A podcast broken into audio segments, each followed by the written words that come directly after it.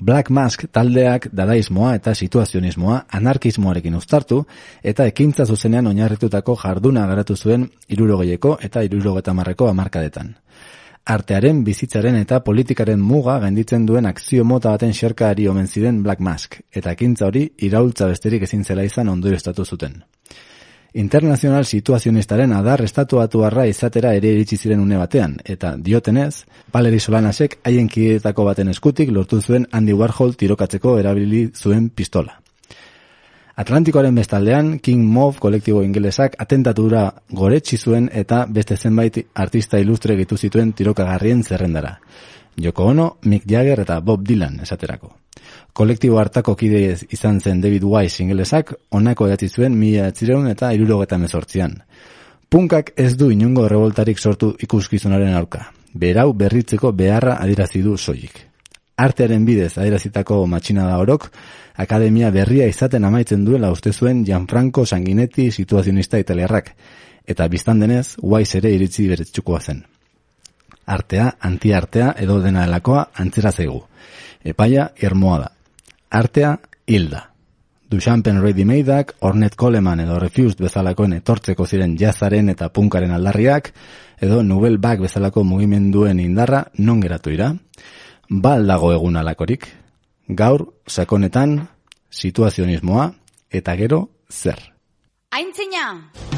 Inspidera Adanismoak saiestuz, nabardura, nabardura Tokian tokiko errealitatera Botere harremanen sakoneko egitura. Ezagutza situatua dela. Nondi begiratzen duzun da, hauzia Ikuspegi intersekzionala. Azter dezagun hauzia bere komplexutasunean dezapenak da xutua. Eztabaidaren markoa ezartzen Artearen irabazten du. autonomia hauzi Disiplinen arteko arrakaletan arakatu behar genuke. Azken batean Tira, zera, nola esan. Hegemonia disputatzean Nukleo irradiatzaiaren eraginaren Konjunktura politikoaren Ados zeritza dago, bai, bai, bai, bai, baina Gorputza zeharkati ezadan Nire posizioa zera da Hauziaren dimentsio Plano makro batetik begiratuta. Ezagun testu inguruan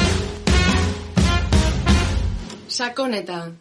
Kultur monografia jasangarriak. Sakonetan zaudete, entzuleok, eta ondo dakizuen ezkero, hemen kultur monografia jasangarriak eskaintzen dira, pauso sosegatuz beti ere. Nik ipamatxain naiz, mikrofonoaren beste aldean Jon Nurzelai daukazue, haupa Jon. Kaixo. Eta gaurkoan gai benetan mamitsu bat ekarri dugu. Puntxean, Jon, irurogeiko amarkadan zehar e, garatu zen mugimendu baten inguruan hariko gara, situazionismoaren inguruan, baina ez soilik situazionismoaren inguruan, baita ere situazionismoak gerora sortutako tradizioan eta nola ditutzi duen ondarean, eta gaur egundik situazionismotik, ba, ez dakit zer berreskura ote daiteken edo gure buruari galdetuz, ezta? Bai, hori da. Gure interesa situazionismoan ez da bitxikeria historiko moduan edo ez diogu horrela begiratu nahi. Baizik eta, bueno, ulertu nahi dugu nola noiz eta zergatik e, sortu zen, zer zen proposatzen zutena, ze ondorio izan dituen, vanguardia artistikoen e, genealogia horretan ere ze posizio okupatzen duten, Eta baita ere, ba, gurera zer e, iritsi den, eta ze irakurketa, ze irakaspen, e, atea ditzakegun, ba, bueno, irurogeiko amarka horren bueltan, situazionista hauek egindako horrek guztiak, ez?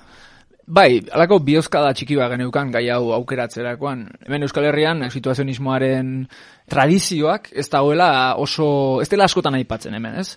Eta iruditzen zitzaigun, hain justu, kulturaren eta eta eraldaketaren inguruko gaiei buruz hitz egiterakoan, ezinbesteko erreferentzia dela oroar situazionismoa eta eta eta bai beraiek idatzitako testu batzuk eta bai beraiek e, bueno, ba eztabaidatutako gai batzuk, ez? Orduan, e, ba, bueno, hortik tiraka iruditzen zitzaigun, e, karpen interesgarria izan zitekela haiek bereskuratzea. Bai, hori da, eta, bueno, gai potoloa da, eta gu jakin bakigu, ba, bueno, gure saiakera era inbatean mintzat mugatua izango dela, baina, bueno, saiatuko gara, pixka bat, e, bueno, mamia ateratzen e, joera edo mugimendu honi guztiari, eta, bueno, horretarako, pixka bat hasiko gara aztertzen bat estu ingurua bera, ez? Noiz eta nola sortu ziren eta non. Eta, bueno, beraien bilakaera eta beraien e, kezkak zeintzuk ziren eta beraien proposamen e, teoriko eta praktikoak zeintzuk izan ziren, ez? Beti ere artearen bueltan e, aritu ziren noski, baina beraien irakurketak e, bueno, teoria politikoarekin eta zerikusia zuten, et batez ere denborak aurrera ginala, artetik aragoko irakurketa sakonak egin zituzten, ez? Eta merezi du, bueno, pausatzeak e, pixkat e, beraien e, irakurketetan. Bai, niretzako klabea hori da, ez? Beraiek, e, ba, beste vanguardia artistiko bat balira bezala ulertzen dira askotan, eta nik uste dut iruteria kolektiboan oraindik ere toki hori daukatela, ez? Ba, ez dakit surrealistak izan ziren bezala edo edo beste edozein vanguardia izan zen bezala, ba, ba situazionistak ere askoren artean bat gehiago balira bezala, ez?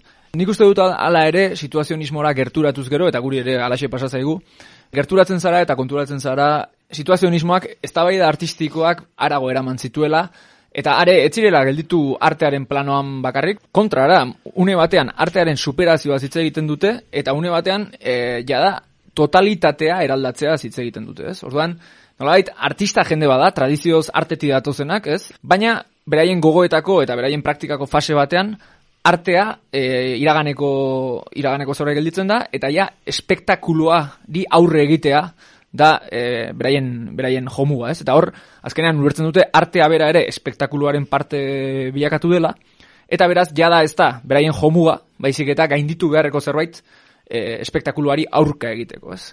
Horan, hori zaigu interesgarri, iruditzen zaigulako, nolabait, artearen inguruan sortutako kezka batzuk askoz arago eraman zituztela, eta hori ez, ba, gaur egun ere artea ziraultzaz eta alako ez e, gogoetatzean, kontuan hartu beharreko ekarpena dela, hauek egin zuten guztia, ez? Mm Bai, bueno, ja hitz gako bat eh, aipatu duzu, ez dela ikuskizuna, ez? Eta, bueno, hor badago, ba, segurazki situazionisten artean eta pentsalari entzutetsuena dena, ba, dala gi de bord, ez? Ja, uste, gaina saiore ematen aipatu izan dugula, edo, bueno, sonatua den e, pentsalaria noski, Eta, bueno, berak espektakuluari buruz hitz egiten zigun, e, ikuskizunari buruz, espektakuluaren edo ikuskizunaren gizartea bere libururik e, entzutetsuena.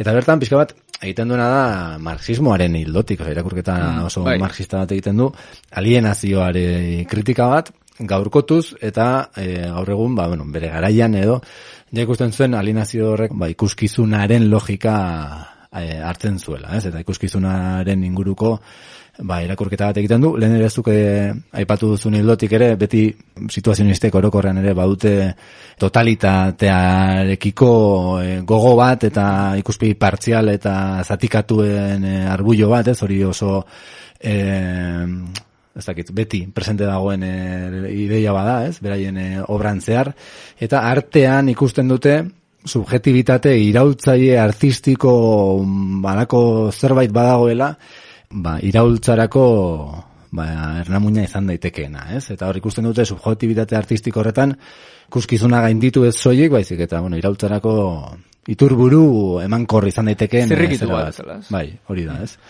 Ez dakit, ikuskizunari buruz hitz egin genezake, e, hor bai, ba, azken finan ere badagoena da, da eguneroko bizitzaren aldarri bat egiten dutena etengabea, baina, bat, merkantziaren formak e, gizarte eta gizarte eta harreman e, sozial oro ba, baldintzatu duen gizarte batera iritsi izana adierazten du ikuskizunak ez da soilik ikuskizuna hitz egiten ere ari garelako pentsatzen eh, argi askotan eta fokoak eta brillo askoan, ez? Ez da hori hortaz ari, pixka bat ari da, hori kritika marxistaren baitan, ba, bueno, reifikazioaz edo alienazioaz edo egin genezaken irakurketa baten hildotik doan e, kritika bada, ez? Bai, hori da. Niretzat oso garantzitsua da, esatea, beraiek tradizio marxistan kokatzen direla era bat, ez? Orduan, situazionistek gutxi bera egiten dutena da tradizio marxista gaurkotu, ez? Eta nolabait, beraien gizarte edo, edo kapitalismoaren fase garaikideari begiratzen diote, eta saiatzen dira, azteko, fase horren ezaugarria detektatzen, eta ezaugarri horiek behin detektatuta, eraldaketarako zezirrikitu izan ditzakeen e, proposatzen, ez? Orduan, beraien diagnosian, neurri batean, e, horixe da, beraiek esaten dute, hau irurogeiko amarkadan kokatu behar da, diskurso hau, baina beraiek esaten dute, bueno, egia esan diskurso hau gaur egun ere, e, nire ustez e, erabateko erabat baliagarria da. Eta are esango nuke beraiek e, hemen proposatzen dituzten gauzak areagotu besterik ez direla egin gaur egun. Baina diotena da kapitalismoa bere fase espektakularrean sartu dela. Nola baita esateko ez? Orduan, e, horrek esan nahiko luke, ba, bueno, egon dela alako garapen teknologiko, material, ekonomiko bat, eta garapen horrek, kontsumo gizartearekin batera, neurri batean, ba, hor, sartzen dira, telebista, zinema, argazkia, prentsa eta bar, hor eman dela fenomeno bat eta izan da espektakuloaren sorrera, ez? Eta, eta gaur egun espektakuloa litzateke alienazioaren formarik e, evidenteena, ez? situazioniste diote, kapitalismoa bere fase espektakularren sartu da, eta guk egingo duguna da, fase espektakular horrek eduki ditzaken aulgunea detektatu eta zirrikitu horiek nola eralda daitezkeen proposatu, ez? Hori da gutxi bera, beraien karpena. Orduan, neurri hortan, teoria marxistaren gaurkotze bat egiten dute. Eta horregatik ez da kasualidadea, e, beraien erreferentzia nagusia, Mars izatea, eta debordek askotan aipatzen du, Mars, Mars eta Mars, Esa, ez bakunin, ez, batzuetan ere nastu izan da, e, ez, situazionismoak, ba, bueno, anarkismoarekin izan dizaken zerak, eta bar, garbi utzi behar da, teoriko situazionista nagusienak, marxista, sutxu eta bete-beteak zirela. Bai, egia da gero hori situazionismoa sarreran aipatu dugu, ez? E, mugimendu libertarioan eta bar ere eragin handia izan dutela, baina batez ere igual gehiago beraien praktikaren hildotik eta bar ekintza zuzen e, balizko ekintza zuzenarekin zerikusia izan e, dezakelako eta bar? Praktikara jotzerako orduan, ez? Baina gira da, beraien gogoetak, e, bali, marxismotik asko duela, erabilera balioa eta truke balioaren arteko berezketa horretan, eta bizkat ikuskizuna bera ere, bizitzaren sasi erabilera batekin e, lotzen dute, ez? Eta aldarrikatzen dutena da, benetako aseko gaituen eguneroko bizitza, benetan e, garatu eta giza beharrak aseko dituen benetako egoera bat nahi dute lortu, eta artearen baitan eta subjetibitate horretan e, sortzaile e, horretan ikusten dute e, horretarako bidea, ez? Hasiera batean mentzat. Hasiera batean zer gero hori nik uste hori ere momentuetan mm gainitzen dela, ez? Baina bai, esaten ari zinena. Nik uste diotena da nolabait espektakuloak gizartea bihurtzen duela edo jartzen duela alako pasibotasun kontemplatibo egoera batean bezala, ez? Espektakuloak tenduena da nolait jendea otzandu eta jendearen e, zera, desioak eta jendearen helburuak egiten ditu erabat manipulatu, ez? Adibidez, zentzu hortan, beraiek, e, esate baterako, espezializazioaren kontra daude. Adibidez, mm ez? Esaten dute, espezializazioak funtsian eragiten duena dela, ikuspegi globalaren zatikatze bat, eta ikuspegi globala austeak, berarekin dakarrela, jendea manipulagarriago izatea, adibidez, ez? Edo adibidez, mas mediak e, orokorrean duten efektua adibidez, azkar detektatu zuten, ez? Bereiek esaten dute, mas mediek zentzu bakarreko komunikazioa e, sustatzen dutela, eta horrek gutako bakoitza are isolatuago bilakatzen gaitu dela, gainera isolatu eta pasibo, ez? Azken binean, individuen arteko sasi komunikazio bat ere e, gauzatzen dela, eta ikuskizunak e, benetako komunikazio hori antzutuko balu bezala, ez? Egia da, esan duzun moduan, eta gu, ni uste da dela, eta interesgarria dela ere, baloratzerako orduan, ba, situazionismoa milatzen da berrogeta mazazpian sortzen da, ez edo internazional situazionista, bai. ez? Bai, hori, bai, hori ere importantea esatea letrismoaren baitan sartzen dela, alegia, mm. debor, bueno, ez, ba, ez de, letrismoaren baitan bakarriko, kerezpanago, e, Bauhaus imaginista Londresko komite psikogeografikoa, eta internazionalen letristaren arteko bateratze bat edo, baina bai, egia da, deborda adibidez letrismotik zetorra. Mm -hmm. Ez, eta bueno, lehen eh, hasieran batu dugu, ez? Badagola genealogia bat, eh, vanguardismo artistiko horien artean, surrealismotik, bonda da, eta bar, letrismoa, eta e, Bauhaus, eta, eta barrez, eta situazionismo eraino doana, Baina, hauek egia da, hasiera batean, ba, berrogata mazazpi, eta irurogata bi artean, okeraz banago, bai benetan gero aipatuko ditugun praktika konkretuekin, et, ba, bueno, ikusten dute artearen erabilera eta guneroko bizitzaren e, moldaketa konkretuekin e, bueno, jolasten dute eta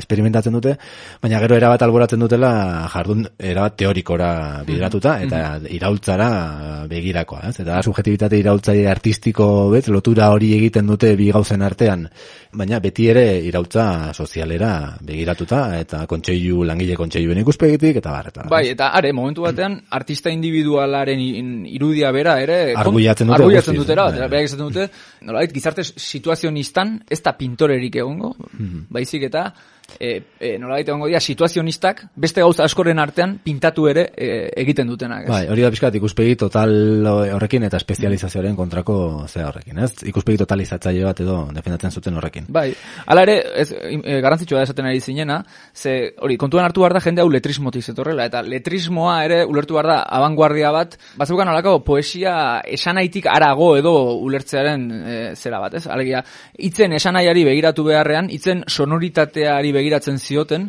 eta neurri hortik e, sortzen zuten horrela, eh, gaizki eta azkar esateko e, letrismoan, ez?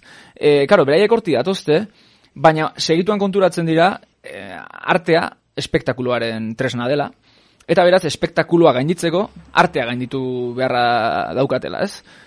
Eta, orduan, hasten dira, erabiltzen, artetik datozen estrategiak, em, totalitatearen kontra edo espektakuluaren kontrako sabotaje bezala, ez? Orduan ja beraien ekintza guztiak eh hor kokatzen dituzte, hau da. E, egiten duten guztia ez da arte obran agortzen, espada totalitatea edo espektakulo total horren kontrako kintza bezala, ez? Eta eta neurri batean hori da beraien jauzia handia eta neurri batean horrek eramaten ditu artistaren narcisismo individualista hori gainditzetik gizarte kapitalistaren teoria kritikoa garatzera, ez? Eta nik uste dut hori ja 1972tik aurrera gero eta nabarmenagoa dela nola jardun artistikoa gainditu nahi duten eta hortarako hizkuntzara jotzen duten eta ja teoria kritikoa hasten diren eh, garatzen gero eta gehiago ez. Bai, nik hemen gehituko nuke oso interesgarra edu zaidala, eh, bueno, Mario Perniolak baduka liburu bat situazionismoaren inguruan, gero referentzietan eh, jarriko dugu.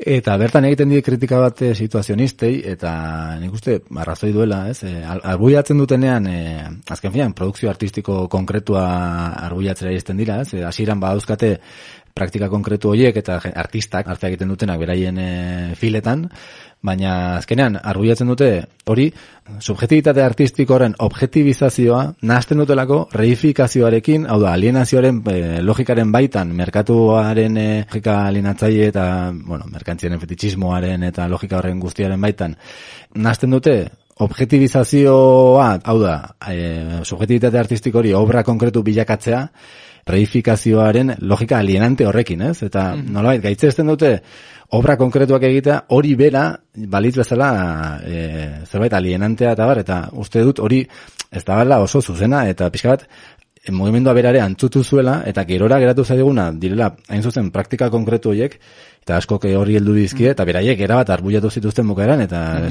se- setatu ziren hor e, zera, teoriari soilik heltzera. Eta horrek ere pixka bat egin batean bueno, ba, puroago edo, in, bueno, ba, akademiaren ikuspegitik edo, interesgarriago inzitun modu berean, ba, uko egin zien, e, bueno, ba, benetako praktika konkretuak e, e, saiatzeari, ez, edo sortzeari, pixka bat, esan bezala, ez zuzena ez den logika edo ikuspegi horretatik, ez? Ni uste merezi duela beraien testu fundazionala pixka bat hartu eta pixka bat gainetik aztertzeak, ez? Hau da, Debordek idatzi zuen testua, berak letrismoaren baitan e, idatzi zuen, baina nolabait testu honek fundatu zuen mugimendu berria eta hortik sortu zen situazionismoa, ez?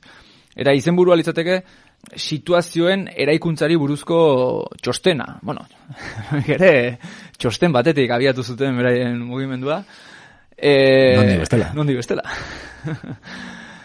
Eta e, garrantzitsua da beraiek nola situazioan eraikuntzan jartzen duten fokua, ez? E, mo- momentu batean diote, mundu aldatu nahi dugu eta badakigu hori posible dela.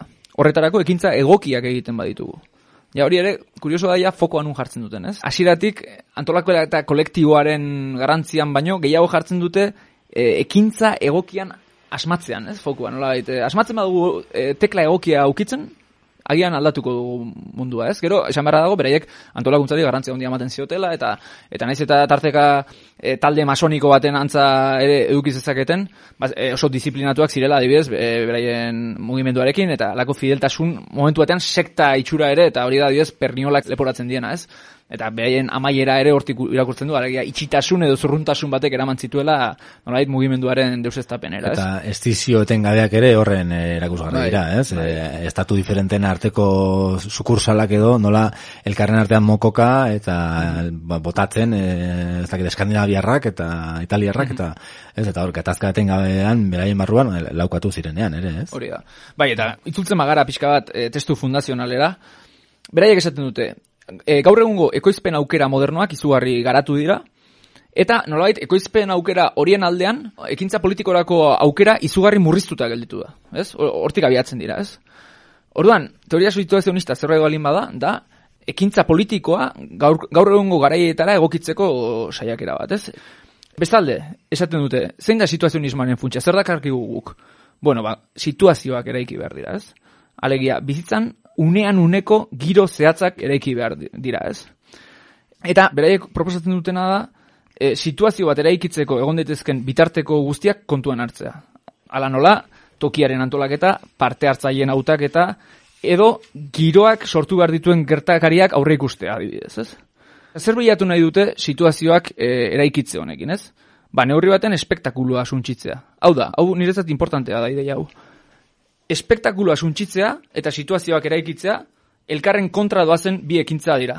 Dagoen espektakulu horretan, nolabait, gizartea rol erabat pasibo batean dago, eta hor, egin daiteken gauza bakarra hori iraultzeko da bizitzaren autonomia hartu eta zuk situazio horiek eraikitzea, ez? Situazionistek defendatzen dute bizitzaren zentzu bat, baina da, dena ez jarraia bezala. Ez dute bizitzaren jarraikortasuna onartzen. Beraintzat hori da e, arima ileskor baten zera, ideia konservadore batean funtsatzen den ideia faltsu bat. Eta beraien ustez unitate bezala hartu behar dira instante isolatuak. Instante zehatzak, eta nolait instante horiek eraikitzen jarri behar da indarra, eta horretarako bitarteko situazionistak e, erabiliz, ez? Hori da beraien planteamendua. Esaten dute, hori ez bada egiten, ezinezkoa da, kapitalismoaren fase espektakularrari aurre egitea. Egiteko modu bakarra hori da. Era berean, kurioso da nola jatorrizko testuan ere proposatzen dutena, den ez den soluzio magiko bat. Beraiek esaten dute, guk ez daukagu soluziorik. Baina proposatzen duguna da ikerketa experimental kolektibo bat.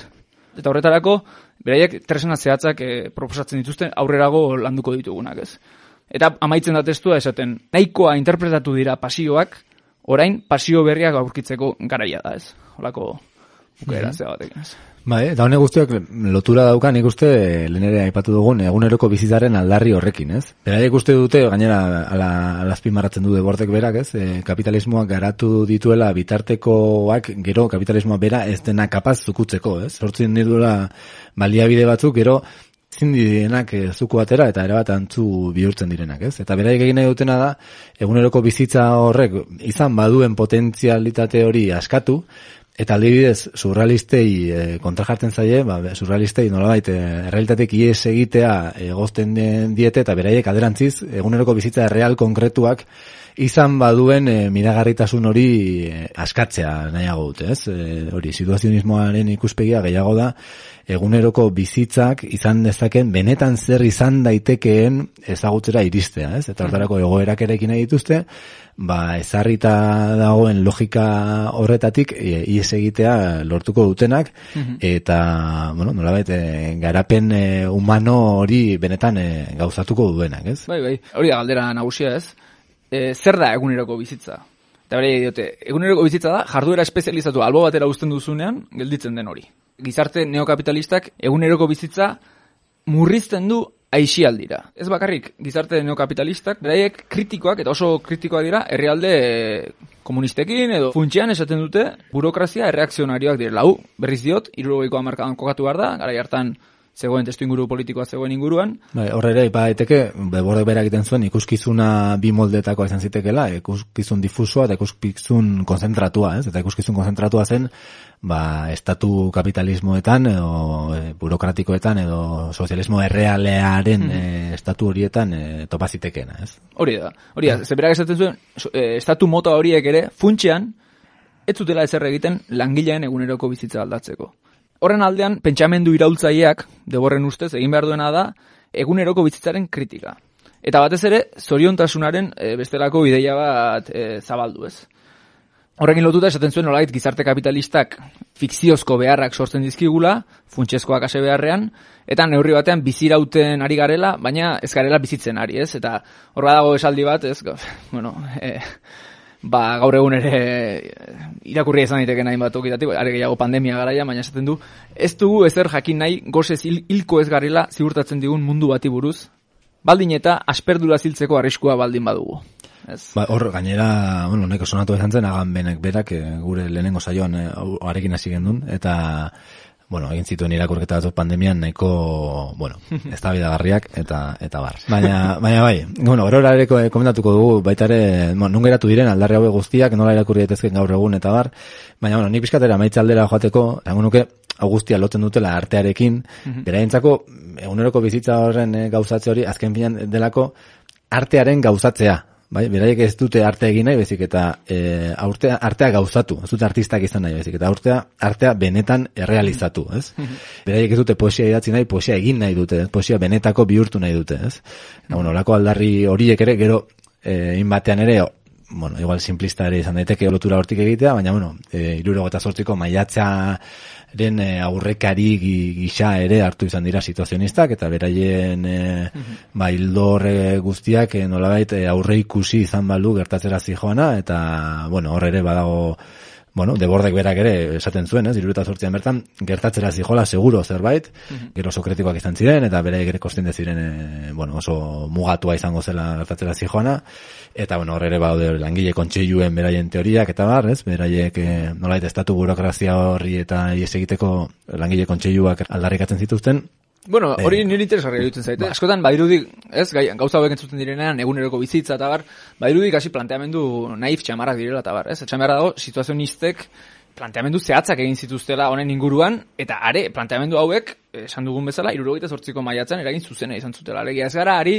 ez gara ari alako xalotasun batean bizitzen jende bati buruz, baizik eta historia errealean, eragin erreala izan zuten ideia batzuei buruz ari gara, ez? Eta nolait, langile kontseiluena, adibidez, beraiek, hau, esan dezagun, ideia hauek, hemen aipatzen ari garen ideia guzti hauek, antolakuntzara nola eraman ere pentsatu egin zuten. Eta, eta adibidez, langile kontseiluak, beraientzat ziren, proiektu irautzaile unibertsal baliozko bakarra eta eta jerarkia oro baztertzen zuten egitura bazen, ziren e, egitura erabat autogestionatuak, ez? Eta zeukaten alako buru, buru finkori baizik eta etengabe e, aldakorrak ziren be- e, bertako kideak beste beste, ez? Ordan bazegoen jerarkia oro alde batera baztertzeko zera bat, bazeuden printzipio batzuk gero antolakuntzara eraman zirena eta berriz diogu honek 78ko maiatzean e, izan zuen zerikusi zuzena, ez? Gero egia da ba hortan geratu zela eta bar, baina bueno, 78ko maiatzari buruz ere gauza asko esan daitezke eta egia da historiara kasi igaro dela ikasleen errebolta huts bat izango balitz bezala, baina interesgarria litzateke baita ere mugimendu horrek sakonean zituen potentzial guztiei buruz hitz egitea eta seguraski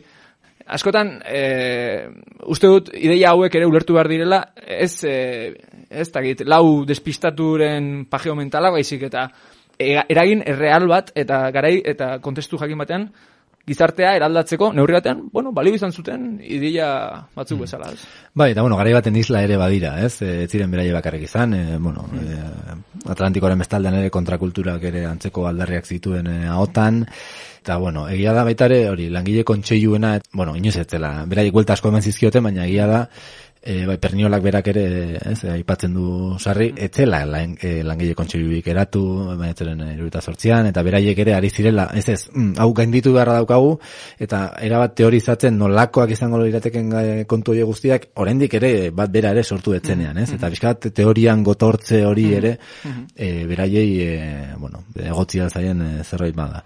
Baina, bueno, nahiko jardun dugu, igual e, kanturen bat jartzea ere ez da ideia txarra izango, Sekula ez da idea txarra. Eta, bueno, e, erabat egokia iruditu zaigu maitea roita jauregi mursegoren e, erretaguardia ekartzea ona, hainbeste vanguardiarekin ere nekatzen bai gara. Zuekin, retaguardia.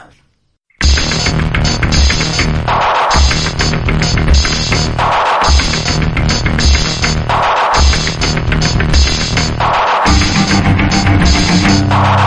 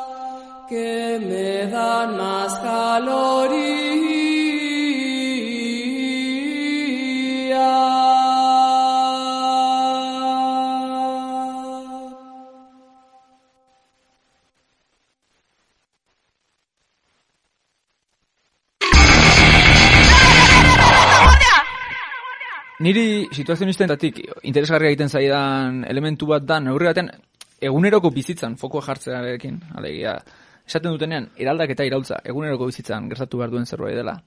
Neurri batean zeharka horari dira, iraultza ulertzen sekula puntu kulminanterik izango ez duen zerbait bezala. Alegia, iraultza etengabekoa da, ez da egun handirik iritsiko. Eta, eta neurri batean, beraiei ere eskertu behar da, jarrera hortatik, bueno, ba, teknika zehatzak edo proposatu zituztela, esan dugun bezala, espektakuluaren gizarteari e, zirrikituak topatu eta zirrikitu horietatik eraldatzen saiatzeko, ez? Eta, ez dakit, negauzu sartuko gara zeintzu diren proposatu zituzten bide, bide zehatzak, ez? Bai, gogora ezagun era berean hori, eh? Berrogeta mazazpian sortu zen mugimendu batek, e, irurogeta birako, ja bide hau etetea erakizuela, ez? Baina, bueno, hor tartean egon ziren e, proposamen e, konkretu batzuk, eta era berean lehen esan dugun bezala, ez, pixka bat ziren kapitalismoak garatutako teknika batzuen e, desbideraketa, ez, nahiko hitz e, gakoa da hemen, e, proposatzen dutenak, ez? E, batekin hasteagatik pixka da, baldintzatze teknikak, hau da, iragarki subliminalak eta garun e, garbiketa, Bai, ez? E, bai. teknika horiek erabiltzea, baina mm, zure inkizunerako, ez? E, nolabait, e, arerioaren e, armak zure ganatzearekin ere zerikusi du hone guztiak, Hori ez? da, dira teknika batzuk beti botereak darabiltzanak, ez, bere ekintzetarako, eta horren hauek zioten hori. E, jendea baldintzatzeko teknika horiek, ez, polizia suministroa eta bar, egin behar zirena apropiatu, eta neurri batean, e, boterearen kontra erabili. Hori da. E, bestetik, bazuten ere, nolabait, bueno, hor, e, ba, industriaren eta, ez, e, garapen horretan, ba, nolabait, pintura industriala proposatzen zuten, hau da, alako garapena izango zuen pintura batek non, e, ja, obrak berak bere, zera, ez, bere balioa galduko lukeena, ez, bere merkatu balioa galduko luke, horren masiboa izan da, ez, ba, e, hain horren etengabe, produkzio etengabea izan da, ba, balioa galduko lukeena, ez, eta hor baude irudiak eta nola pintura ikaragarri, e, ez, amaiezin batzuk e, sortzen zituztenak, hor ere, baude, e, bestetik ere kontrakoa egiten zutenak ere, ez, autodestrukziorantz Bai. jotzen zuten obrak e, Metzger eta bar, e, Bai. e, suntsitzen zituztenak, ez? Aha. Hori beste hildo bat izango litzateke. Bai, gero batzeukaten hirugarren hirugarren tresna bat edo hirugarren proposamen bat ere, eta hori zen psikogeografia, ez? Horregen bidez aztertu nahi zuten nola giro geografiko jakin batek gutako bakoitzaren e, jokamoldean e, eragin zehatz bat zeukan, ez? Eta, bueno, segurazki psikogeografiaren barruan proposatzen zuten nolabait e, jokamolde ezagunena edo, litzateke e, deriba edo ez dakit euskaraz nola esango litzateke, nora eza edo, bueno, alako zerbait, ez? E, hori litzateke beren jokamolde esperimentala, ez? Deriba litzateke alako, bueno, e, ez da bidaia, ez da, ez da ibilaldia, baina da, irian zehar alako deambulatze bat, baina inguruak ze efektu psikiko eragiten dizkizun erreparatuz. Eta berenetan, arreta hortan jarriz, ez? E, importantea da, eh? esan dut deambulatzea, baina hau ez da surrealisten e, deambulatzea, ze ure izan adibidez esperientzia bat erabat ausazkoa, erabat joaten ustea, baina hau ez da hori. Hau da, nolabait, ibiltzea eta eta eta erreparatzea zure zure baitan zer gertatzen ari den, ez? Eta zentzu horretan, esan behar dago baita ere, situazionistek oso gustoko zituztela oroar laberintoak, eta baita hiri labirintikoak, edo, e, badibidez, Venezia bat, edo Amsterdam bat, edo oso, oso gustoko hiriak zituztela. Baina, bueno, esan behar dago baita ere, psikogeografia proiektu zabalago bat hemen baitan ulertzen zutela, hiriaren berrikuntzarako proiektu zabalago bat. Eta hori zen urbanismo bateratua, e, deitzen ziotena, ez? Nego duzu esplikatu? Hmm, bai, bueno, psikogeografiari helduz, ba hori, ez, esaten genuen, pixka bat, hilbide aurre zehaztu muzin egin, eta pixka bat, eh, estimuloen arabera jokatu eta gida zaitzaten ustea, bada, pixka bat, urbanismoak kontrakoa ordezkatuko luke, ez? Nolabait aurre zehaztutako hori eta eh, erabat konstienteki bideratze bat, ez? Nolabait esperientzia urbanoa, ez? Eta pixkat gehiago zen zera propositibo konkretu baino horren arbullo bat, ez? E, nolabait e, egiten zutena zen e, joka molde hori edo ikuspegi hori erabat arboiatu eta bestelako benetan e, asegarriak izango lirateken erabilera batzuk proposatu. Bueno, gero dago beste beste teknika bat. Nire ustez hau da beraien teknika nagusia, ez? E, desbideratzea edo izango litzatekena edo deturnement edo ez dakit frantsesez eh, nola esaten den. Gutxi gora bera litzateke arte ekoizpenak alako birat, biratze bat edo alako biraje bat ematea, ez? E, eta alako giro gorenago batean kokatzea, ez? E, jatorrizko esanai aldatu eta eta esanai desberdineko antolaketa berri bat ematea arteari. Hori egiten denean, arte horrek alako zentzu berri bat hartuko lukete era bat, ez?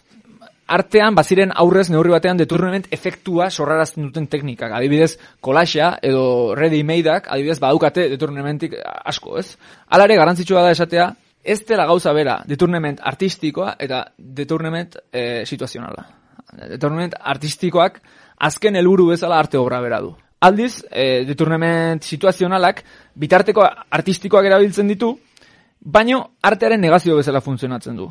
Azken batean komunikazio izaera garbia daukalako, ez? Eta gainera artea gainditu nahi du, lehen esan dugun bezala, ez? Nolabait totalitatea e, desbideratzera jokatzen du. Azken batean ba hori, ez? Desbideratzearen bidez, e, gizarte burgeseko objektuak beraien esanaietik nolabait urrutiratzen erauzten dira eta kualitatiboki erabat bestelakoa den testu inguru batean txertatzen dira eta hor neurretan ikuspegi irautzaile batekin, ez? Esanaia errekuperatzeko erabiltzen den teknika bat edo halako zerbait. Mhm. Bai, hemen ere azken finean, pixkat ere fondoan dagoen auzietako bat, eta nabarmenetakoa da, berrikuntzaren eta gainditzearen eh, arteko zera hori, ez? E, egozten zaie orokorrean vanguardia artistikoi, egin dutena, eta sarreran aipatu ez, pixkat, be, berritzea dela, eta ikuskizuna berritu, ez? Hauek bintzat, erabat konstiente ziren, beraiek egin nahi zutena, etzela inundik inora ere berrikuntza bat, bezik, eta gainditzearen ikuspegi hori beti zuten eh, presente, ez? Eta erabat, mugak eh, zabatzearen eh, artean, ba, arte produkzioaren, bizitzaren eta artean, ez?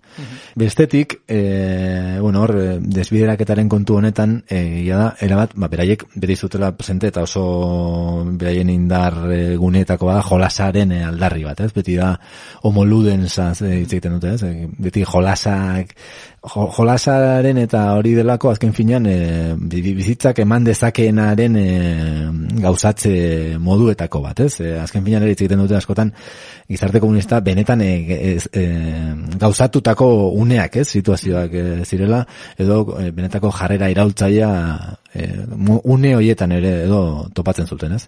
Eta desbideraketaren kasu horietako bat izan daiteke adibidez hartzen zituzten e, arte, bueno, pinturak eta bar, eta bokadioa jartzen zizkien, berez aurrez emanak zeuden e, zentzu horiek, pixka bat, kuestionatuz eta be, berriak sortuz, ez? Hori zen eh, azken finean beraien, bueno, beraien teknika guztiek ere hortik zelako, ez? Nolabait aurrez zehaztutako e, logika edo definizio ertsi horietatik ies egin eta Bai. askapen e, une bat edo aukera bat e, sortzea, ez? Bai. Eta gero, ba, izan behar da beste teknika bat, edo, bueno, teknika baino gehiago, beraiek e, foku berezia jartzen zutela zineman ere. Ze azkenen batean beraiek esaten zuten zinema zela, espektakuluaren gizarteak daukan tresnarik espektakularrena. Edo espektakulua bere formarik puruenean agertzen zen tokia zinema bera zela, ez? Orduan, situazionistek egiten zutena zen, zinema antiespektakular bat, nola baita esateko.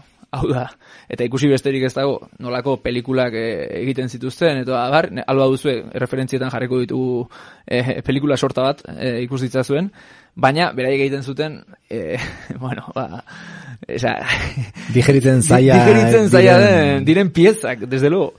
Eta, eta, claro, hori apustu erabat politikoa zen beraien partetik, e, hori, azkenean, ari zirelako neurri batean beraien ustez, e, erasotzen espektakuluaren e, puntu gorena, ez? E, Baina, e, inongo pretensio artistikorik e, ez izatea zen, e, kasi, zera, zutabe nagusietako bat, zine hori, e, ez, e, definitzerako orduan, e, pretensio artistiko oro arbuiatu behar zen Ba, hori egiterakoan. Bai, eta nik uste dut hori dira gutxera teknikak eta amaitzeko esan daiteke orokorrena, ez? Ba, azken batean beste teknika bat zela situazioak eraikitzea, lehen esan duguna, ez? E, ba, bizitzako uneak eraikitzea, jokaera mota batzuk sortu araziko zituzten akontezimenduak diseinatzea, neurri batean, ez? Hori zen gutxi bera situazionistek e, proposatu zituzten ekintza, ekintza zehatza baino gehiago, ez dakit teknika ere esan, ze garbi esan beharra dago, teknika hauek beti espektakuluaren kontra apuntatuz e, aldarrikatzen zituztela. Hori oso garrantzitsua da, ze teknika hauek erabil daitezke, eta hau, negozu gero sartuko gara, baina esan dezagun, zalantzari gabe, teknika hauek berak erabili ditu espektakuluak bere alde ere. Eta esan gabe doa, publizitateak, Bai. edo, edo gaur egun telebistako mila tokitan, ikusten ditugula deturnement askotarikoak, desbideratzeak, montajeak, kolaxak, erabil daitezke espektakuluaren mesetan ere, baina hauek zioten, ez ez, hauek erabili bai, baina gainera norabide jakin batean, ez? Garrantzitsua Bai, hori. hori da, bai, bai, azken finean hori artea hilda diogunean, edo ziotenean, beraiek e, zioten ez, artea hil zela, e, azken finean hori ikuskizunak ikaragarrizko, bueno, ikuskizunak alako teknikak lapurtzeko ere erabateko gaitasuna duelako, ez? Azken finean, noren dela berrogeta hamar urte, baina gehiago, Bai. bueno, hasi zen e, mugimendu batez e, ari gara, azken abanguardia artistikoaz, ala, aipatu izan da behintzat, eta, bueno, hor, mm, teknika hauek, e, jolas hauek eta bar, imitatuak izan dira, erabiliak izan dira, eta bar, eta pixka bat, bueno, hortan arakatzen edo, ez, e, referentzia bila edo, okurritu zaizkigun batzuk, ez dugu ikarragarezko ikerketarik ere eh, ez zaituztegu engainatuko, baina, bueno, lapurura torri zaizkigunak izan dira, adibidez, nahiko zona lortu zuten e, The Men izeneko bueno, kolektibo batek, eta, bueno, hiru dokumental dauzkate, sarean, esango nuke inkluso argiaren atarian bate bate egon badagoela, E, eta The Yes Men hauek egiten zutena zen egoerak sortzen zituzten, nolabait aurrez emana zuten e, garapen hori zalantzan jarriz, ez? E, The Yes Men hauek egiten zutena zen adibidez, imaginatu, e, beraien ekintzarik sonatunetako bat izan zen, ba, telebistan, ez dakit BBC, na, CNN, horlako batean, agertu ziren, esanez, bueno, Dow Chemical konpainiako bueno, bozera maila naiz, eta telebistan eman orain denon aurrean, e, gogo eta sakon baten ostean, e, esango dizuet, ba, bopaleko sarraskia egin genuena orain dela hogei urte, onartzen dugula gure bueno, ba, gure ardura dela hori eta bueno, ba ordain e, zeak emango dizkigula Indiako ba, bertan e, milaka pertsona hil ziren, ez? Dau kemikalek zeukan planta kimiko batean. Eta bueno, telebistan agertu ziren, esan ez bira, ordainduko dut, ordaindu barreko guztia eta erreparazioa emango diot bopokaldeko herri osoari, ez? Eta claro, hori izan zen, e, ikaragarria, ez? E, bolsan e, ikaragarrizko eragina izan zuen eta bueno, olako zea bat, gero claro, e, dau kemikalek aurpegia behar, eman behar izan zuen, bueno, bai, hori egin beharko genuke, baina, bueno, ez dugu egin, eta bai, gizu ez, eta olako zea bat, eta olako jardun oso interesgarri bat eh, daukate, batez ere, bueno, sabotaje mediatiko modukoak eginez, ez? E, era berean, ba, saldu izan dituzte arma deliranteak, e, bueno, arma konpainiei, eta bar, eta grabatu, eta ikusi nola, ba, arma konpainiek interesa agertzen zuten, ba, benetan, osea, ikuspegi humanotik e, inungo onarpenik ezin e, izango luketen e, artefakto hori, ez? Eta, bueno, lako asko egin dituzte, ez? E, oso gomendagarriak dira beraien e, dokumentalak, e, humoretik ere asko, jolasetik, eta Deyesmeneko, bueno, partaietako batzuk, ba, dute izan zuten beste kolektibo bat, RT Mark izenekoa, eta horiek egin zuten e, beste kintza bat izan zen, lapurtu zituzten, ez dakit e, ze denda konpainia handi batetik, imaginatu tobizaraz batetik, Barbie pila bat eta G.I. Joe pila bat, e, G.I. Joe bueno, armadako la gizon e, zera, oso maskulino eta bueno, e, beliko da den e, e, zera bat ez, jostailu bat, eta ahotsak trukatu zizkien, eta itzuli zituzten dendatara. Ai. Ez, eta orduan, e, bueno, ba, gontzen hor, generazio oso bat, ez dakit, e, non, Ameriketan, estatu batuetan, edo Ingalaterran, ez dakit non izango zen, ba, beraien barbiak, e, bueno, musulmanak erailtzea aldarrikatzen zuen, eta, ba, G.I. Joeak, ez dakit, ia horraztea, ez? Eta, bueno, olako ekintza, erabat, e, bueno, ez dakit, jolasan e, oinarritua zen bezala, eta mugatuak, noski, ba, bueno, Bai. baina, baina, bueno, ba, baduela ere, seguraski, situazionisten, e, bueno, iraldaketarako eta egoera konkretu interesgarriak sortzeko gogo horrekin ere baduela loturaren bat, ez? Galdera da, agian, ez? Situazionismoak zergatik izan du hain eragin txikia edo, bintzat eragin aitortua, zergatik izan da hain hain anekdotikoa Euskal Herrian, ez? Mila behatzireun da berrogeita amazazpian, situazionismoa sortzen da, Frantzian, eta handik urte betera edo bira, e, eta sortzen da e, Euskal Herrian, ez? Osan, begira, ze, garai hartan, batez ere testu ingurua ikusteko, ez? Elkarren handik hain, hain kilometro gutxira, bata Frantzian bestea hemen, e, nola sortzen diren bi talde nahiko minoritario biak ere, bere garaian, sorrera meintzat, ez? Eta neurri batean, biak oso klabe desberdinetan, eta oso planteamendu desberdinak, eta oso testu inguru desberdinean, e, desberdinari erantzuten diotenak, neurri batean, biek edaten dute marxismotik, naiz eta hasierako etak ez beste, baina, bueno, esan dezagun, pixkanaka, pixkanaka, marxismoa ere etan sartzen doan korronte bat dela, baina eh, ezkerra bertzalearen kulturan edo, nolabait, marxismoa pixkanaka sartu den bezala, sentsazioa daukat, situazionismoaren aurreko klabe kulturalak nagusitzen direla oraindik ere, ez?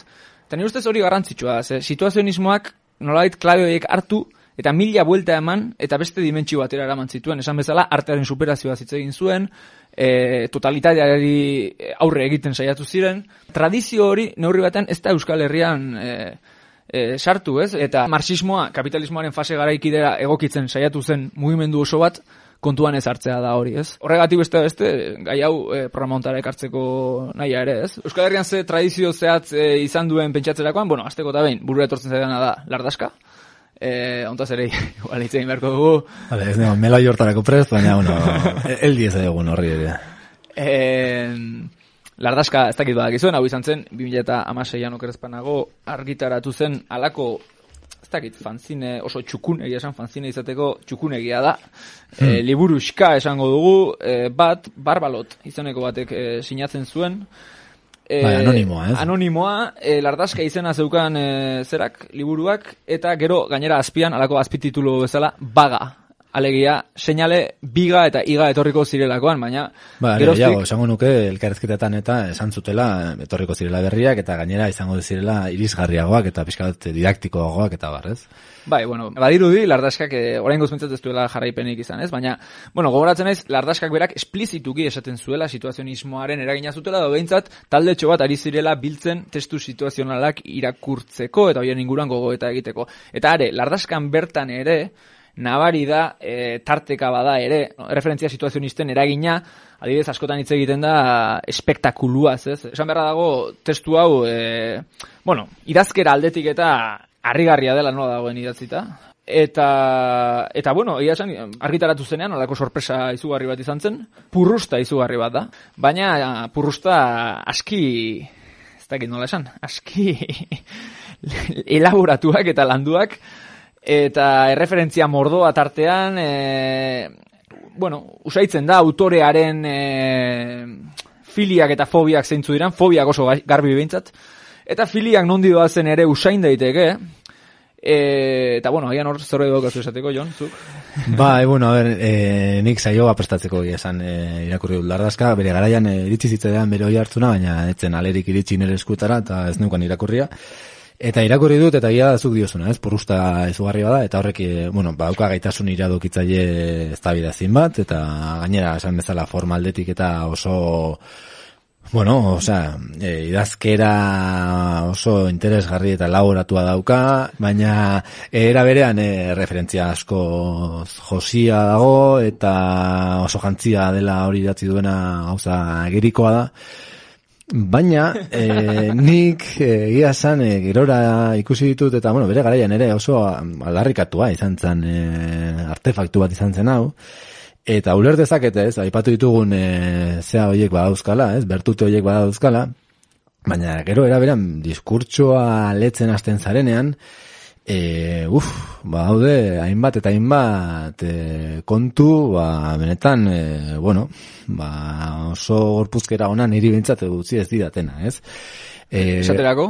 Batetik badauka teknokraziaren kontrako zea bat eta industrializazioaren kontrako zea bat, e, bueno, gainera jan, jantzia, ez? Hor ikusten dira ba, Lewis Mumford edo William Morris bezalakoak irakurri dituela, mega makinari buruz hitz egiten du, eta ikusten da, bueno, jantzia dela zentzu horretan, eta bueno, hori izan daiteke justifikagarria, eta erabat jantzia, baina e, eraberan e, kasi ikusten dio batutan e, una bomber baten e, manifestu moduko bat dela, eta hori jazten duela diskurso iliberal, kosmopolitismoaren kontrako, anti-woke, gaur egungo rollo honekin, e, nunbait zerbait salbagarria topatzen badu hori nazioan eta berrian da, aipatzen du Julius Ebola bezalako pentsalari fascistak aipatzen ditu, referentzia bezala, e, uf, bauzka gauza asko benetan niri behintzat eh, atzera egiten didanak, ez? Europaren gainbera, dekadentzia hitz egiten du denbora guztian,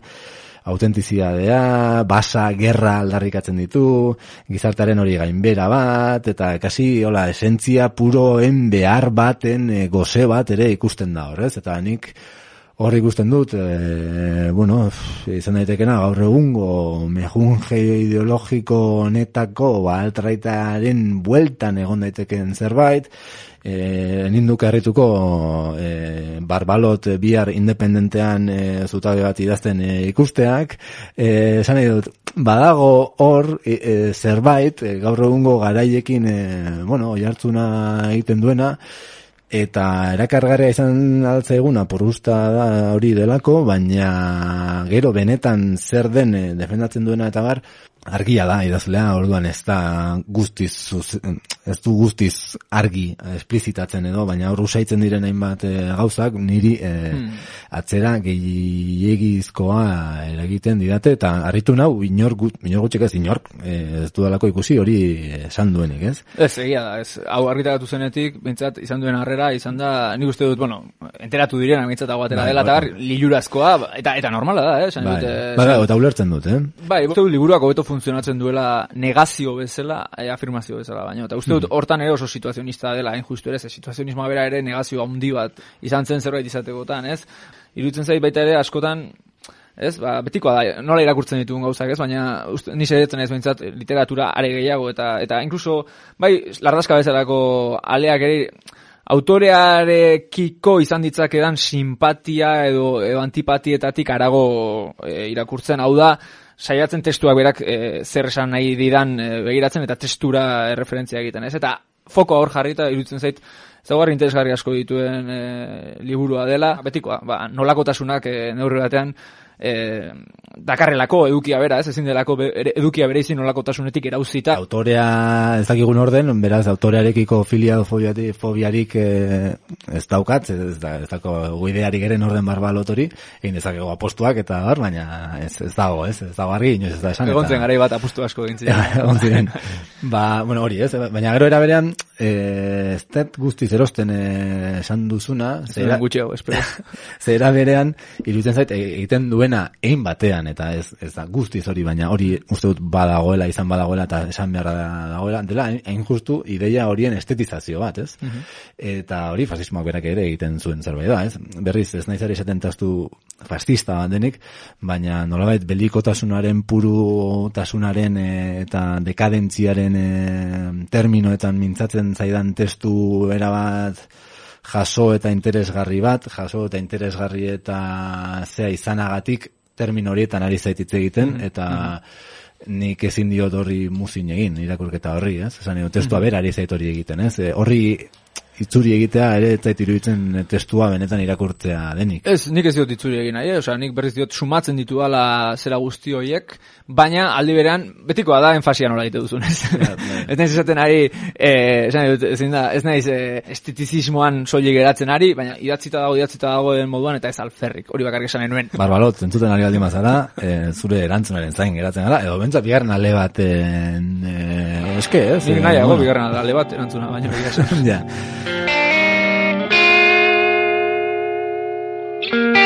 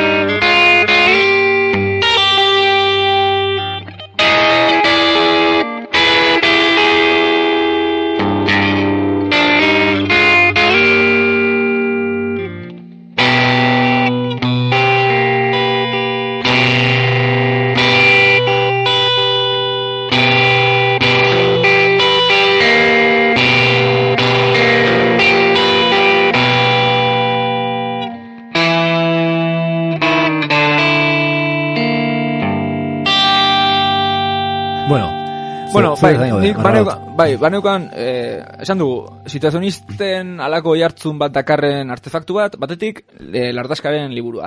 Bestetik, eh, aipatu nahi nuke baita ere, adibidez, eta berriki gertatu den kanpaina bat, eta donostian nik esango nuke, ez dela lehen kanpaina gertatzen dena, ez? Eta da, ertzaintzaren inguruan sortu den kanpaina bat markesinetan. Nik uste dut entzulei ezaguna egingo zaiela, ez? Duela gutxi, agertu ziren donostiako hainbat markesina, ertzaintzaren alako argazkiz, e, bueno, ba, beteta. Hau guztia, noski, kokatzen da, Eusko Jaurlaritzak ertzaintzaren aldeko kanpaina e, bueno, indartxu bat egin ondoren, edo egin bitartean, ez dakit, gara berean kointziditu zuten, E, baina, bueno, nolait, egun batean, donostiako markesina guztiak azaldu ziren, ba, bueno, ertzaintzaren argazki esan dezagun nahiko e, deserosoz edo e, ilustratuta, ez? Ba, izan e, porrak eskuan e, jendea jotzen, izan e, alako droga drogakin lotutako argazkiak, eta bar, eta bar, eta bar, ez? Eta jartzen zuen, izan zaitez ertzain, ez exactamente ze jartzen zuen, baina alako zerbait, lakua puntu eus, eta alako zerbait, ez? Hori izan zen, adibidez, kanpaina bat, niri gustatu gustatu zitzaidan, baina iruditzen zait, markesinen teknika bera erabiliz, egin izan direla, eta esango nuke talde berak egin dituela, ze ez dut uste donostian alako hogei talde ongo direnik, egin izan direla kanpaina are interesgarriagoak eta buruan daukat, adibidez, Donostia 2006 garaian egin zen gauza bat, erregea garai hartan batzen ez Felipe erregea etortzekoa zen, etzen, bueno, horren inguruan alako eztabaida bat egon zen, eta eztabaida hori pilpilean zegoelarik, markesina guztiak azaldu ziren egun batez, Donostia 2006ko tipografia eta erabiliz, ba, Feliperen argazki batekin, eta uste dut jartzen zuela, ongi etorri Feliperen argazkia eta Donostia 2006, ez? Eta atera behar izan zuen, Pablo Berastegi uste dut zela, gara hartako Donostia 2006ko burua, gezurtatzera ez ez karteloiek ez zituztera beraie jarri, eta bar, eta bar. Bueno, hori adibidez, e, iruditu zidan kanpaina bikaina zen, neurri batean, hori ez, alako, alako ekintzen bidez, derrigortzen duzu, e, instituzioko kidea, neurretan gezurtatzera ateratzea, ez ez guk ez dugu, ez diogu erregari e, zera egingo, ez? Ongi etorririk e, egingo, baina orduan, baina orduan ze alare erregea gonbidatzen duzu, bai, ez, nolait evidentzian jartzeko balio du, ez? Eta honekin bukatzeko hirugarren kasu bat, baita ere Donostian gertatu zena, hau izan zen, esango nuke zinemaldiaren inguruan eta Bueno, Banksik e, bere pelikula estrenatzen zuen garai hartan, eta bazebilen alako zurrumurru bat, egun haietan donostian ibiliko ote zen ala ez, ez? E, karo, hau ere, testu inguru batean kokatu behar da, eta da, e, grafitilariek eta bar, dituzten etengabeko multak, e, beraien grafitiak egiteagatik eta bar, eta testu inguru hortan, agertzen da pintada bat donostian, estetik aldetik eta izan daitekena Banksiren oso tankerakoa, ez? Alde, alde zarretik urgulera bidean, alako kal- kaletxo batean. Eta, karo, e, zer egin, ez? Eta goatzen ez, gara hartan, baina uste Denis Itxaso zela kultur zinegotzia, eta Denis Itxaso atera zen alako deklarazio batzuk egitea, esan ez. Bueno, e, badirudi, e, agertu den pintada horrek boleto asko dituela Banksirena izateko, beraz, udaletik erabakitzen dugu, e, erabakiko dugu, kasu berezia den eta ez eta bar, bere horretan ustea eta bar, ez? Eta orduan, bueno, pues, berez, ere, evidentzian geratu ziren, alako, Banksy izategatik bai, eta beste guztiei, sekulako multa jartzen ari izatete aldi berean, ez? Eta handi gutxira, pinta hori gainetik norbaitek e, beste grafiti bat egin zuen, handi, eta handi gutxira gainetik e, ezabatu zuten, eta nik esango nuke pinta hori, gerora jakin dela, hori etzela Banksyrena izan, baizik eta, ba, bueno, halako tro- Egoera behartu nahi zuten eh, hori sortzeko. Hori da, ez. Beraz, horra egon dira hainbat ekintza, pixka bat, bueno, ba, esan dugun bezala, situazionisten tresnak edo erabiliz e, egin izan direnak, eta, bueno, iruditzen zait, oroar, ez, guztiak ere badirela, alako protestarako forma, ez, ez originala bakarri baizik, eta baita eraginkorrak, eta batez ere hori iruditzen zait garrantzitsua ez, eraginkorrak direla. Hmm. Zer azkenean behartzen duzu, posizionamendu batera, hori ez, agintean dagoena, eta uste dut, e, hori, norabide egokian erabiliz gero, teknika hauek, divertigarriak izateaz gain eraginkorrak direla. Bai, bueno, hor Banksy aipatzen, aipatu duzula, ez? E, nik uste ere pertinentea dela aipatzea, bueno, Banksyren obra bera, bere, bere horretan, bere osotasunean, baina baita ere, bueno, sonatua izan zen, nola saldu zuen e, artelan pieza bat, ez? Saltzen ari zen ein bere, ein berean, o momentu une horretan, nola e, auto suntxitu zen e, obra hori, ez? Hori nahiko sonatu izan zen, Banksyk egin zuena. Gero gia da, e, obrak berak e, suntxituta, bueno, prezio handiagoa lortu zuela, ez? Eta- Merkatuak irabazi zuen. Hori da, pixka bat, merkatua saboteatzeko e, saiakera hori, ba, pixka bat e, antua izan zela, ez? Baina, bueno, aitortu bere egin zaio irudimena eta saiakera, ez? Eta beti gogo hori, ez? Banksik beti izan duen go- gogo hori. Eta gero, nik pixka bat, beste bira bat emanez, eta beste jauzi bat, beste inguru batetara, situazionismoaren irakaspenak bere egiten dituen e, mugimendu bat gaur egun iruditzen zait ekologismoan topa genezakeela, ez? Batetik e, hori tekniketara joko, joko dut gero, baina baita ere sakoneko ikuspegian ere, ez? Nik uste dut e, ekologismoan gaur egun oso oikoa dela aldarrikatzea e, bizitza ona, ez? Eta lehen aipatu duzu ere montu batean, ez? ez, ez situazionistek aipatzen zuten e, bizitza merezi duen e, bizitza bat edo zoriontasunaren bestelako ikuspegi bat. Eta uste hori oso presente dagoela gaur egun, ez? Batez ere, ba, egoera historikoa era bat kontrakoa delako irurogeiko amarkadan geneukanarekin alderatuta, ez? Ba, ba, pentsatu Frantzian edo estatu batuetan, ez? E, orduan zegoen eta situazionismoaren e, bere testuetan eta nabari da, nolabait etorkizunarekiko esperantza handiak, ez? E, etorkizunean sinesten zuten desiraren askapenean eta jokoaren gaitasunean e, sinesten zuten eta benetan uste zuten etorkizunak zabet hobea ekarriko zigula, ez? Eta gaur egun uste dute hori ere lehenengo saioan e, komentatu genuen, e, erabat ikuspegi hori erabat kontrakoa dela, ez? Krisi etengabean e, bizi gara eta gainera krisi horretatik e, salbu egotea ez dago agendan, ez? E, aurrean daukaguna gehiago da patu petral horri nola gorde saiakera bat, ez? Ez dago ikuspegi emantzipatzaile utopiko handirik, zaila da benetan e, topatzea, ba, batez ere, bueno, ba, muga biofisiko eta materialak eta energetikoak eta bestelakoak hor daudelako, ez? Eta hori besteak beste, ba hor dagoelako, ez? Eta mugimendu ekologistak pixka bat eh, planteatzen duena da, e, bizitza, eguneroko bizitzaren aldarria egiten du situazionistek bezala, baina, era berean, ba, merkatuaren tentakulotatik aparte egongo den e, benetako bizitza on bat aldarrikatuz, ez? Bestelako ikuspegi batzuetan oinarrituko dena, nolait behar energetiko eta material gutxiagorekin, baina benetan haseko dituena giza beharrak, ez? Baina, karo, desiraren askapen hori, garai hartan egin zena, eta egia da, gaur egun modu simple batean ere, batzutan e, egozten zaio situazionismoari, maiatza, irurota sortzeko maiatzari, kontrakulturari, neoliberalismoari bidea irekitzea, ez? E, da hori pixka simplea litzateke, baina egia da neoliberalismoak eman diola erantzun bat desiraren eh, askapen horri, erabat suizida dena, ez? Erabat suizida dena, eta Bai. erabat e, a, e, asetzearen kontrakoa dena, ez? Gizabeharrak asetzearen kontrakoa dena, eta gaur egun daukana ekologismoak egin batean da, e, aurrean duen etxaia, dela, denok ulertzen moduan, aiusismoa, ez? Osea, desira horiek mm, defendatzea irmoki, naiz eta suizidak eta zera izan, baina e, visceralidade irrazional hori dauka aurrean, eta ekologismoak e, pixka bat e, egiten ari dena da, aldarrikatu, be, bestelako bizitza on bat, baina bizka bat e, kontentzioan oinarritzen dena eta zoritxarrez esango nuke zaila duela guda horretan e, irabaztea bestea. Estelako ez? hain, ez du hainbeste limurtzen, ez? hori da. Edo nola ere, esango nuke, eta nabardura importantea dela, situazionistek desirari buruz hitz egiten dutenean, ez, niko esango nuke, aiusismoaren desiratik situazionismoaren desirara, Noski, noski. zera handi badagoela, ez? Eta nik uste beraiek ere kontziente direla, desira diotenean, ez direla ari kapitalismoak desiratzak bai. saltzen dizkigun ere, ez beraiek hitz egiten dute desira faltsuetaz ere, eta esaten dute kapitalismoak alako behar faltsuak eh, sortzen dizkigula, ez? Beraiek desiraz hitz egitean, nik uste dut, ari dira neurri batean, espektakuluaren kontra eraikitzen den desira molde bati buruz eta hori guztia, ez? Esan dut, zertotan ere, ez da dira sinonimo bantzat hartu hori, ze uste hortik ere...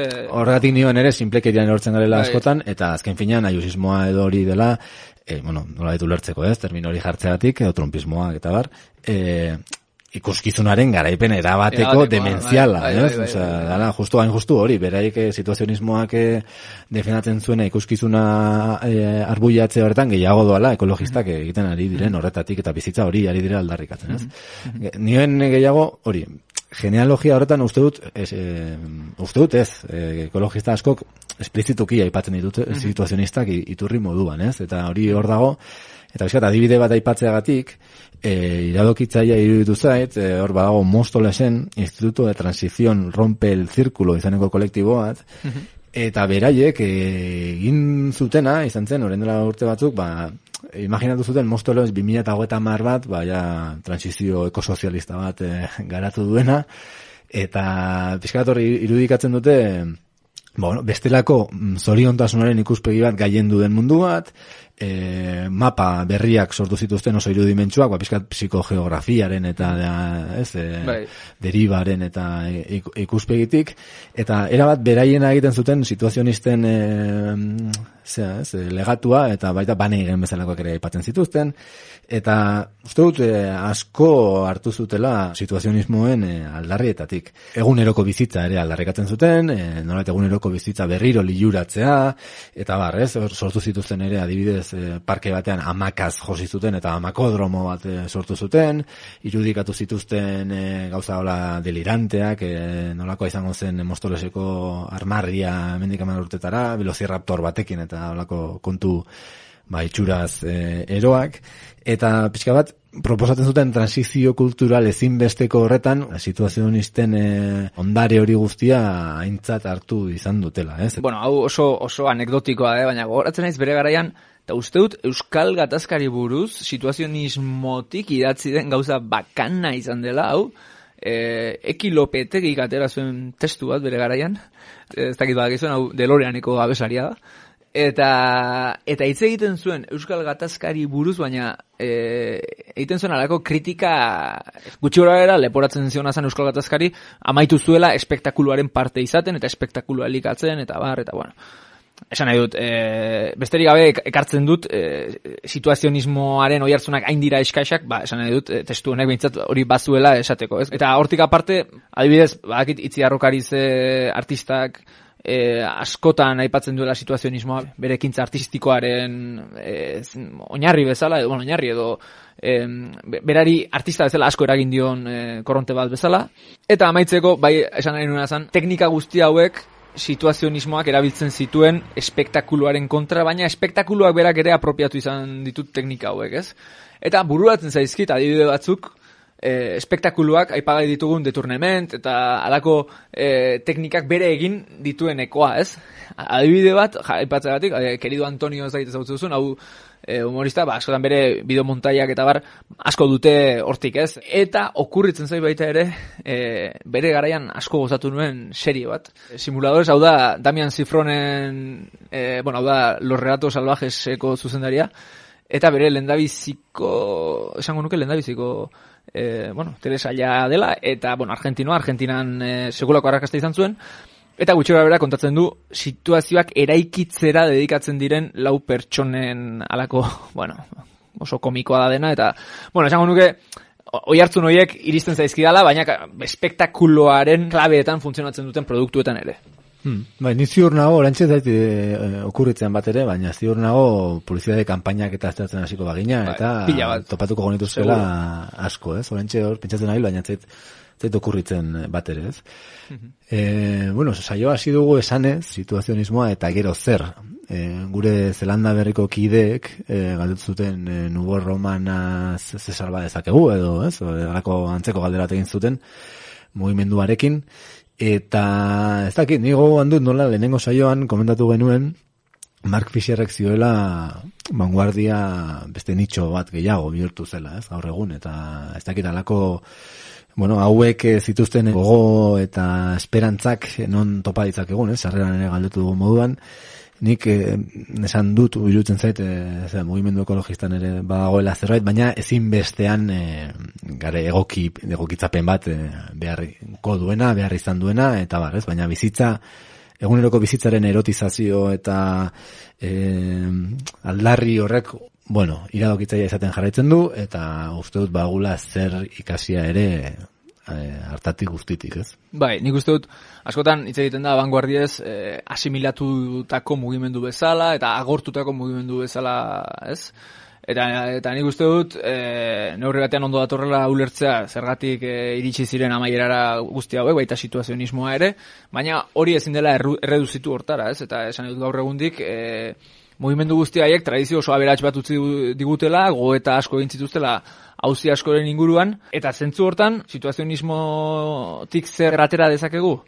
Bueno, ba, adibidez, bizi dugun gizarteko e, zirrikituak non zeuden detektatzen, oso ondo asmatu zuten adibidez, eta eraldaketarako e, zirrikituk zehatzak proposatzera ere iritsi ziren, ez? Beraz, nik uste dut, e, edozein proiektu iraultzaile garaikiderentzat e, ezinbesteko erreferentzia dela situazionismoa, eta batez ere situazionismoa den irakurketa sakon bat egitea, ez? E, nik uste dut oraindik ere okupatzen dutela askoren artean beste vanguardia bat gehiago izan zirelako zera hori, uste dut situazionismoan badudela elementuak, e, beste vanguardia batzuk egindako gogoetak, hauek askoz arago eraman zituztela, eta, bueno, hor utzi zutela pentsamendu oso aberats bat, ba, bueno, oraindik ere, jende askorentzat baliagarri dena, baina Euskal Herrian, bereziki hemen, gure ustez behintzat, e, oi hartzen askorik eduki ez duena, eta gure ustez, e, bueno, pues, aberastasuna handia duena.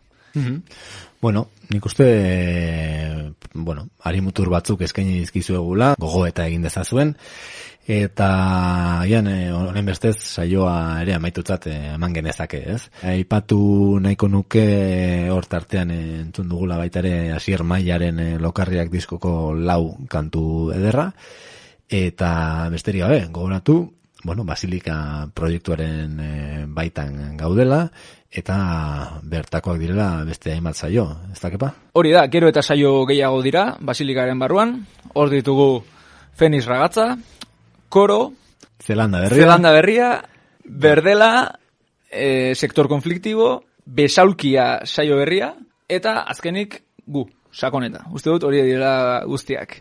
Nire aldetik eskerrak eman loti negarti jaunari, bueno, berarekin izan dako elkarrizketa bati esker, bota ditut gaur botatako ideia gehienak, Eta beti azten zaigunez, eskerrik asko kakain zonako jendeari, ba, bere estudioetan grabatzen usteagatik. Hori da. Gure aldetik besterik ez. Besterik gabe esango dizuegu irakurri ditugula Juan Luis Zabalaren eta Xabier Mendigurenen liburuak, ikusi ditugula hango aitz zorrotzen irudiak, kontatu dizkigutela aitz artaietako gertakizun ilunak ere, baina gu egiaz ez garela inoiz izan sakonetan. Horixe da gure sekretua, eta, bueno, horixe esaten dizuegu beti. Urrengoan gehiago, hemen sakonetan, edo tira ulertzen diguzue, sakoneta ez den sakoneta honetan. Segi bizkor. Aitzinetik begira Hanor duian ez dukegu ehork ere aizina Arza zuntza horitzia Zuhurtzia handida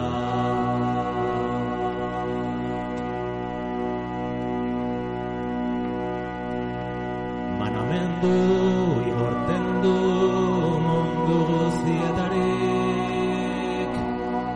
Jende oro bat dakion Josafaten bildurik. Egon ere horrere eskapatu gaberik.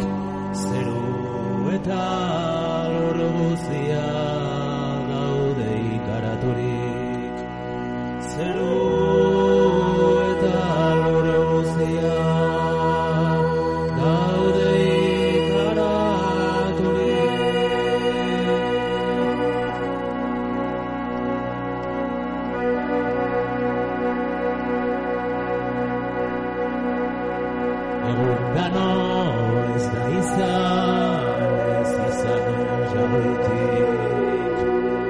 Judizio hain handirik ez etare boratitzik Sortu eta sortzekoak idez gero pizturik